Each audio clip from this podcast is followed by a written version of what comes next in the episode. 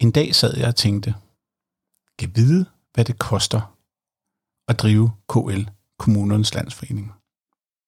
Måske skal jeg lige starte med, jeg har været inde på KL's hjemmeside, og der står her, KL er en interesseorganisation for de 98 kommunalbestyrelser og arbejder for, at kommunerne har de bedst mulige rammer til at prioritere velfærd og økonomi og til at udvikle kommunen lokalt. KL bidrager til, sammen med kommunerne, at videreudvikle det danske kommunestyre og lokaldemokratiet. KL er samtidig arbejdsgiverorganisation og forhandler overenskomster for kommunens ca. 500.000 ledere og medarbejdere. Godt. Og det jeg virkelig tænkte på, det var, i min verden, der er det altid sådan noget, KL, det er kommunernes ven, det er kommunaldirektørens ven, og der står også her, at det er en interaktionsorganisation for kommunalbestyrelsen. Jeg ser det ikke rigtigt som, at det er borgernes KL. Men det er jo sådan min opfattelse. Men det jeg så kommer til at tænke på, det er, hvad koster det her skidt om året? Jeg ruder i detaljer, agtindsigter, vedtægter og hvad jeg nu ellers finder på min vej. Og forsøger med det at afdække, hvordan dine og mine penge bliver brugt. Og hvorfor det? Fordi hvis vi ikke bekymrer os om hinanden og det samfund, vi lever i, så forsvinder mørkelen mellem de byggesten, vores velfærdssamfund er bygget på. Jeg hedder Rasmus Visby. Velkommen til.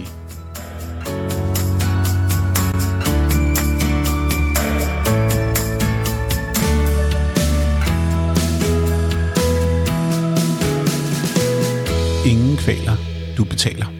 Ja, det var det, jeg valgte at kalde det her afsnit. Og der er det sådan, at KL, jo, som jeg sagde før, på en eller anden måde, jeg opfatter som kommunalbestyrelsen, det står der også, at det er deres, at det ligesom er politikernes selskab, det er i hvert fald ikke borgerne, men, men det kostede i 2021 415 millioner at drive den forretning. Halvdelen kom af, som kontingent fra kommunerne. Hvis vi deler det ud, de har faktisk lavet et regnestykke, som hedder, at kontingentet er 4.000 kroner per 100 indbygger. Og det er jo så 40 kroner per indbygger. Så du betaler via dine skatter 40 kroner om året for KL's aktiviteter. Men det er kun cirka halvdelen af deres indtægt, fordi den anden halvdel kommer fra konsulent- og kursusvirksomhed. Så er der nogle finansielle indtægter, men, men det største er konsulent- og kursusvirksomhed. Der er de for eksempel ude og give for eksempel Hillerød Forsyning i, hvad deres direktør skal have i løn. Så det er altså en operation, der koster 400 millioner om året, og det kan jo i sidste ende kun betales af skatteborgerne. Godt. Det næste, jeg så ser, er, at KL har nogle selskaber. Et af de selskaber er det, der hedder SKI i dagligtal, Statens og Kommunernes Indkøbsservice AS. Og nu er det jo et aktieselskab. De her tal, jeg fandt her fra KL, det er simpelthen bare at gå ind på deres hjemmeside. Det er at gå ind og finde alle de der rapporter og ting og sager, der ligger, og som de færreste nok læser ud over mig. Men lad os hoppe videre til staten og kommunernes indkøbsservice, fordi der kan vi også finde ud af noget via og bare kigge i deres regnskaber. Og husk på, der er ikke søgt en eneste agtindsigt i det, jeg sidder og laver i dag. Adgangen til data for mig er ofte årsrapporterne. Og der er det sådan lidt, for eksempel, nu har jeg så været inde og finde årsrapporten for SKI, altså staten og kommunernes indkøbsservice AS, og den er fra 2021. Og der er de ofte meget glade for at fortælle om, hvor gode og hvad, hvad, hvad det kan og ting og sager. Det er 66 sider.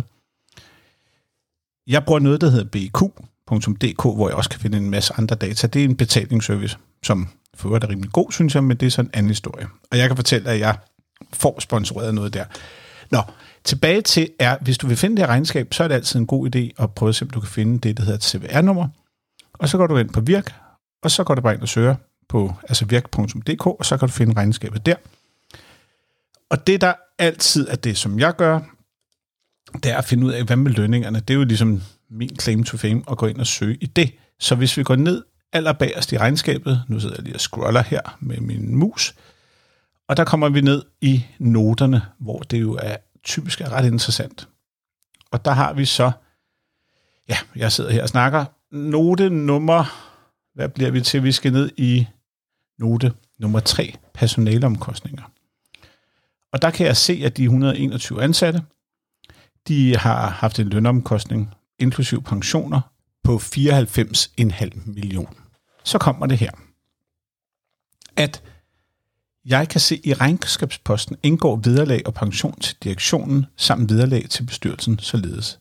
Administrerende direktør Signe Lyngård Massen får 2.417.837 kroner om måneden. Undskyld, om året. Ja, ja, nej, så, så godt går det heller ikke. Nå, tilbage er så, at ski, det er, nu læser jeg op for inden for deres omers ting, er hele den offentlige sektors indkøbsservice og videnscenter. Vi udvikler indkøbsaftaler på varer, tjenesteydelser og IT og hjælper stat, kommuner og regioner med at skabe konkurrence og afløfte udbudspligten. Vi sikrer e-handlen og styrer kontrakterne, når aftalen er i drift. Når vi løfter i flok, opnår vi bedre priser og betingelser og skaber dermed rådrum til velfærd. 2,4 millioner om året til den administrerende direktør. Men det, der også er lidt interessant, det er, at jeg kan fortælle, at Ski, som det jo hedder daglig tale, de har også for eksempel en aftale med noget, der hedder ScanOffice, og der kunne man købe kontormøbler, hvis man havde lyst. Så dengang med Hillerød Forsyning, der kunne man bare have gået hen til dem og købt kontormøbler, fordi de må godt bruge ski-aftalen, men der valgte man at købe lokalt. Det var sådan en lille en, der kom ud mellem sidebenene der. Nå, tilbage til ski er så, at bestyrelsesformanden i Ski er Christian Roslev, og han får 200.000 om året for at sidde der. Og så tænker du, Christian Roslev, hvem er han? Der skal vi lige tilbage til Aalborg og agtindsigterne, fordi han er kommunaldirektør i Aalborg Kommune. I øvrigt dem, der ikke vil udlevere indkøbsdata, den kommune. Det er jo sjovt i sig selv, synes jeg. Men Christian Roslev har jo været lidt i vælten, og hvis du følger frihedsbrevet, som jeg kan anbefale, der kan du se, at der er virkelig mange sjove historier om Christian Roslev. Men her dukker han altså op som bestyrelsesformand. Det er altid sjovt at se, hvordan det her net hænger sammen, og så kan man spørge sig selv, det er også noget med KL at gøre. Altså, det er jo KL, der ejer halvdelen af det her selskab og ting og Men det er, kan vi sige, Tordenskjold soldater. Det jeg nu begynder at tænke, det er, hvis der sidder en her og får 2,4 millioner om året, så prøvede jeg faktisk at undersøge, hvad er det, Barbara Bertelsen, altså vores højst placerede embedsmand, tjener om året. Og der valgte jeg at ringe til Rasmus Schulz, som er politisk øh, journalist på Christiansborg for Berlingske Tidene, og som jeg ved har skrevet en artikel om, hvad hun får i løn. Lad os lige høre, hvad han sagde. Og øh, jeg skrev noget om det, fordi de, nu får hun jo også fast udbetalt en bonus. Øh, med den, så ligger hun på 2,4 millioner om året, så lige der omkring i hvert fald. Det er noget i den stil. Jeg mener, at den der bonus er på 125.000. Ja. Som I kan fornemme, så hopper jeg lidt rundt i det her afsnit, og det gør jeg, fordi jeg synes også måske, det er meget sjovt at give et indblik i på, hvordan jeg, hvorledes jeg hopper. Jeg kan fortælle at det, jeg optager i dag, det fandt jeg nogenlunde på en halv time til tre kvarter ved at hoppe rundt på de her regnskaber. Nå, men jeg fandt efterfølgende ud af, at øh, Rasmus Schultz og jeg, vi havde glemt lige at tage højde for, at Barbara Bertelsens løn er uden pension, så hun får altså lige omkring 3 millioner. Så hun er alligevel den, der vinder det her race. Og det går ind, fordi jeg arbejder ligesom med det her, hvor jeg er med inde i processen. Så Ski, direktøren, får altså 2,4 millioner kroner om året, og Barbara Bertelsen får 3 millioner kroner om året. Men det er stadigvæk en pæn løn jo, 2,4. Videre er så, at jeg tænker, hvilke andre steder er der, at staten ejer selskaber, hvor man kan ligesom sige, her har vi fri løndannelse, det er et aktieselskab, og der kommer jeg til at tænke på, at staten ejer jo også danske spil. Danske spil med Otto, Lotto, Eurojackpot, Viking Lotto, Dan Toto, Chips. Ja, skrabelodder. I ved det. I kender dem. Det er jo ejet af staten. Hvilket jo faktisk tit undrer mig, hvorfor skal staten eje danske spil? Nå, det der så står her, det er, at der, jeg går ind på årsrapportens side, hvad bliver det, 48 ud af 84 sider. Så der har vi altså 84 sider med information, du kan sætte dig ned og læse, som nok de færreste gør. Men på side 48, der står der personaleomkostninger i note 7. Der står der, at der er 477 medarbejdere i gennemsnit i 2021. Direktionen får 6 millioner 31.000. Der står direktionen, der står ikke direktøren, så jeg ved ikke, hvem det er. Det dækker over. Og da jeg ligesom sendte en mail ind til øh, deres pressetjeneste, spurgte de, at i hvilken kontekst skal det bruges osv., og så opgav jeg at spørge videre der. Fordi jeg ligesom prøver at arbejde med en præmis over, at jeg skal kunne få dataene nogenlunde offentligt tilgængeligt. Tilbage er, at der kun er en, der er registreret som i, i altså Erhvervsstyrelsen, og det er Nikolas Lyne Knudsen. Så om det er hans løn alene, det ved jeg simpelthen ikke. Men jeg kan fortælle, at hvis du går ned under det, så er der noget, der hedder ledende medarbejder. Og der er en omkostning på 12,5 millioner kroner. Så hvad der er hvad, det ved jeg simpelthen ikke. Det eneste, jeg kan konstatere, er, at der står en direktion, som får 6 millioner kroner om året, og så er det ledende medarbejdere, der får 12 millioner kroner. Men nu bliver det spændende, fordi der er jo også en bestyrelse her. Eller, jeg håber, I synes, det var spændende hele tiden. Men der er en bestyrelse her. Og der kan jeg se, at bestyrelsesformanden, det er Peter Christensen. Ja, Peter Christensen fra Venstre, som var tidligere skatteminister blandt andet, i en ganske kort periode. Han er simpelthen formand for bestyrelsen i Danske Spil, og der får han 400.000 kroner om året for den opgave. Men det sjove er, jeg også opdager, at Danske Spil, ja, nu bliver det faktisk lidt sjovt, og det bliver en øh, nyhed, som jo virkelig slet ikke er breaking news, men der er ikke nogen andre medier, der har fortalt om det. Så lad os lige tage den breaking, som ikke er breaking. 1. april 2022 udsender Danske Spil en pressemeddelelse. Badabing. Klasselotteriet og Danske Spil lægges i dag sammen og samler hele 343 års historie. På en ekstraordinær generalforsamling i dag er processen med sammenlægning af Klasselotteriet og Danske Spil blevet afsluttet. Dermed er statens to spilleselskaber med i alt 343 år på banen nu lagt sammen der vælger man simpelthen at så sige, og sige, at øh, Klasselotteriet er stiftet i 1753, og det er så 269 år gammelt, og danske spiller fra 1948. Og så vælger man at lægge de tal sammen. Hvorfor man gør det, det ved jeg ikke. Men det, der er interessant, eller det jeg lige kan orientere om, det er faktisk, at Folketinget besluttede med et bredt flertal at lægge danske spil og klasselotteriet sammen. Nyheden her var fra 1. april, men når jeg googler rundt, kan jeg ikke se, at der er et eneste medie, der har samlet den her pressemeddelelse op. Ikke et eneste. Men hvis vi går ind og kigger i de her regnskaber, så bliver det lidt interessant, fordi Peter Christensen, som jo var tidligere skatteminister og ved medlem af Venstre og forsvarsminister osv., osv., han sad nemlig som formand for bestyrelsen af Klasselotteriet. Og det gjorde han fra 2018 til 2020. Og det fik han 250.000 for om året. Altså det her klasselotteri, som nærmest har kørt på autopilot siden, siden hvad var det, 1753, det får han så 250.000 for om året. Som formand, vel at mærke. Men det mærkelige er, at jeg siger til jer, at han var der fra 2018 til 2020, og så igen fra 2021, fordi han havde en pause og i den pause, der var det Henrik Sass Larsen, der dukkede op og var bestyrelsesformand for Klasselotteriet. Så det korte af det lange er, at Klasselotteriet er nu under Danske Spil, og bestyrelsesposten er hævet, og er stadigvæk jo, kan man så sige, Peter Christensen, der er bestyrelsesformand, fordi han er bestyrelsesformand for Danske Spil. Tilbage er, og hvis I kommer forbi rådspladsen, kan I se, at Klasselotteriet jo ikke ligger længere der.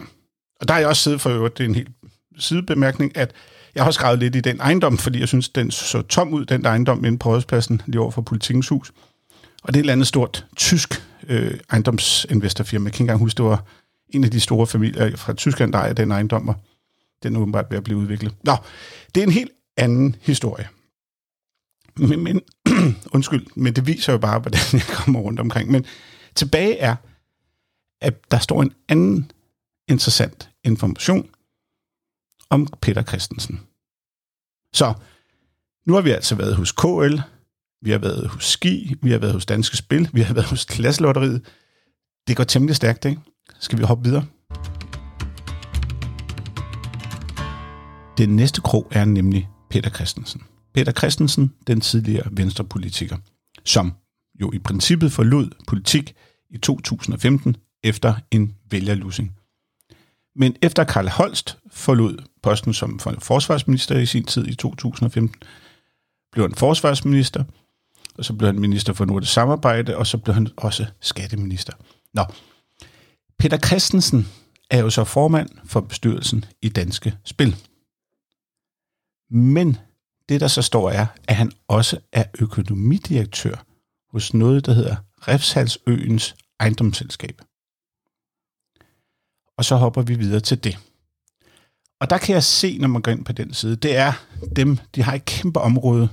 Ja, lad os tage det med det samme, fordi jeg ringer faktisk til deres pressemand, og han er super fin, og, og han fortæller faktisk nogle ret interessante ting, øh, Nikolaj Heltoft her, fordi han fortæller, at Refsalsøens ejendomsselskab opstod i sin tid, da fagbevægelsen gik ind i, i 87, tror jeg det var, han sagde, og købte det, det her område, eller fik pant i det, eller hvordan det var, for simpelthen at prøve at redde B&B. Så det var for at redde arbejdspladser i sin tid, man gik ind. Og det er jo en super likable historie. Det, der så sker sidenhen, det er jo, at BRV i 90'erne, jeg kan ikke huske, om det er i midten af 90'erne, der går konkurs, men det var i hvert fald en kæmpe københavnerbegivenhed, at man gik ud og så på alle de ting, der prøvede på auktion og sådan noget ude på ude det gamle hovedkvarter. Nå, bottom line er, at det er så i dag et ejendomsselskab, og det er så ejet af fagbevægelsens pensionskasser, kan man sige. Og det er så øh, sådan nogle som, hvad hedder det, øh, det er sådan nogle som PKA ejer en lille chat af det, men ellers, eller undskyld, PKA og Sampension og PFA ejendommen og Pensam. Så det er altså ejet af fagbevægelsen, kan man sige. Og det sjove er så, at hvis du går ind og kigger på lønningerne og regnskaberne igen, som jeg gjorde ved CVR-nummeret, så kan jeg se, at der var 12 ansatte i Refsalsøens ejendomsselskab. Og når jeg går ind på deres hjemmeside, så kan jeg se, at der er to viseværte, en sekretær og nogle andre administrative medarbejdere, men der er i alt 12 medarbejdere. De deler inklusiv pension 13.508.000 om året. Hvis vi bare dividerer det, så bliver det 1.125.000 per medarbejder, inklusiv hvad hedder det, viseværter og så videre. Ikke? Og det er jeg ikke sikker på, at det er sådan, det er, men der fremgår ikke andre ting. Men det næste, der også er interessant, det er jo at så se, hvem sidder i bestyrelsen. Og dem, der sidder i bestyrelsen, det er formanden er tidligere formand for HK, Kim Simonsen. Og så er det nogle forskellige øh, direktører fra PKA og fra den øverste direktør for PFA-ejendommen, det er direktøren for Sampension. Men så nede i hjørnet her til sidst, der står Harald Børsting. Og Harald Børsting var jo formand for LO i sin tid, indtil Lisette Rigsgaard tog over. Og han stoppede i 2015. Og faktisk lige præcis samme år blev han medlem af bestyrelsen af Refshaløens ejendomsselskab. Så på en eller anden måde kan man så se, der sidder en økonomidirektør, der er tidligere politiker, og i klasselotteriet var der også noget. Så på en eller anden måde opdagede jeg ved den her rejse, som sagt, det startede med KL, at der i alle de her bestyrelser på en eller anden måde, ja, jeg kom til at kalde det den, en elefantkirkegård den anden dag. Altså det er simpelthen der, hvor at politikere og fagforeningsfolk osv., de ender i bestyrelser, og det fremgår ikke noget sted, hvad han får af, af hvad hedder det, øhm, af, af honorar for at sidde i den her bestyrelse, og det kan jeg ikke søge i, og det gider sådan set heller ikke bruge tid på. Men eksemplet er altså en hurtig rejse igennem systemet her, og vi er tilbage til det, der startede med KL, som så gik over til, til ski, og så var vi lige for kort forbi Barbara Bertelsen, så gik vi til Danske Spil, så gik vi til Klasselotteriet, og så gik vi til Refsaløens ejendomsselskab. Jeg valgte at kalde det her afsnit Ingen kvaler, du betaler. Og det gør jeg, fordi at det her afsnit jo ligesom er gået ind i essensen, og netop det der at se, hvordan er dine mine penge blevet brugt. Og for eksempel i statens indkøb, der sidder der en direktør for får 2,4 millioner om året for at lave fede indkøbsaftaler. Ja, jeg ved ikke, hvordan og hvorledes det hænger sammen, men øvelsen var i hvert fald at søge informationer uden brug af agtindsigt.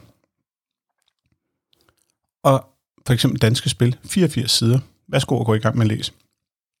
Hvor mange tror du, der læser de 84 sider? Jeg må indrømme, jeg har ikke læst dem alle sammen. Jeg har sådan bladet den lidt igennem. Men det gør også, at så er vi tilbage til den bog, der hedder Søvdearbejde, som i virkeligheden beskriver alle de her uendelig mange rapporter, man skriver, fordi så kan man sige, så har vi skrevet det, og nu har vi dækket det, og hvis der en dag kommer en eller anden og siger, det stod jo der på side 8, det har vi ikke holdt hemmeligt. Og her bryder jeg lige ind, fordi jeg fik en mail fra Danske Spils presseafdeling, hvor jeg jo havde spurgt ind til, hvor mange der blev dækket den her post på 6 millioner og 31.000. Og der er simpelthen kommet et svar, og det er præcis sådan noget, men jamen, det står jo på side dit og den. Lad mig læse op. Den post, du spørger ind til i vores årsrapport 2021, er fordelt på vores registrerede direktion, som fremgår af rapportens side 78 og består altså af to personer. Så går vi på side 78, fordi selvfølgelig står det jo i årsrapporten. Direktionen, Nikolas Lyne Knudsen, koncernchef og administrerende direktør siden 2020. Han har tidligere været direktør for økonomi, teknologi og medieproduktion i Danmarks Radio. Så er der deres økonomidirektør, som også er registreret. Han, er, han har været der siden 2019, og han har tidligere været administrerende direktør for DSB's convenience butikker kort og godt i ni år. De to deler altså 6 millioner om året, og må ikke den administrerende direktør får en spids mere. Og på den måde, så fandt vi alligevel nogen, der fik mere end departementchefen i statsministeriet, Barbara Bertelsen. Og det var sådan en lille en, jeg lagde ind, efter jeg faktisk havde lavet min speaks færdig. Men øh, lad os lige gå videre i, hvad jeg ellers havde at sige her afslutningsvis.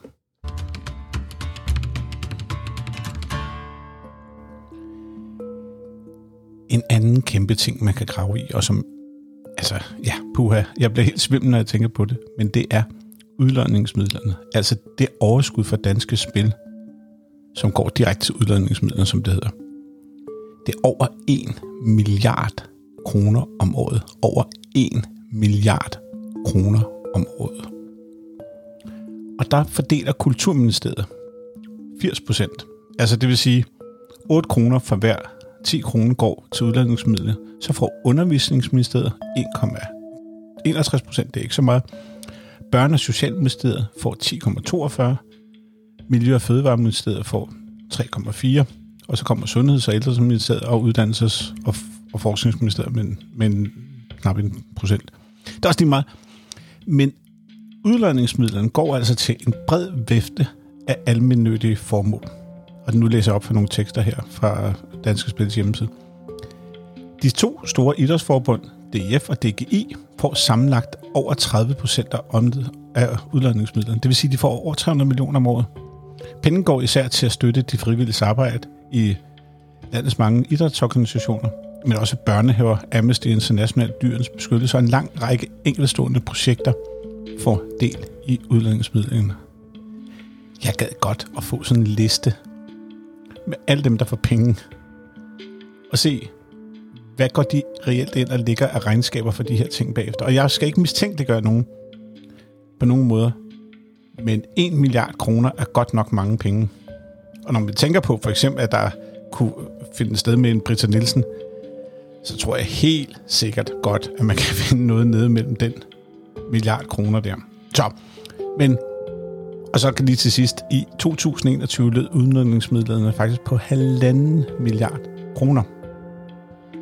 Så, men det var sådan en lille, lille sidebemærkning, og det er, det vil næsten kræve et, et podcast for sig selv. Udladningsmidlerne. Så er den idé givet videre, eller hvis jeg engang får støtte nok, så kan det være, at det bliver et, afsnit, eller et under podcast, eller hvad. Jeg ved det ikke. Men udlejningsmidlerne, kæmpe kaninhul.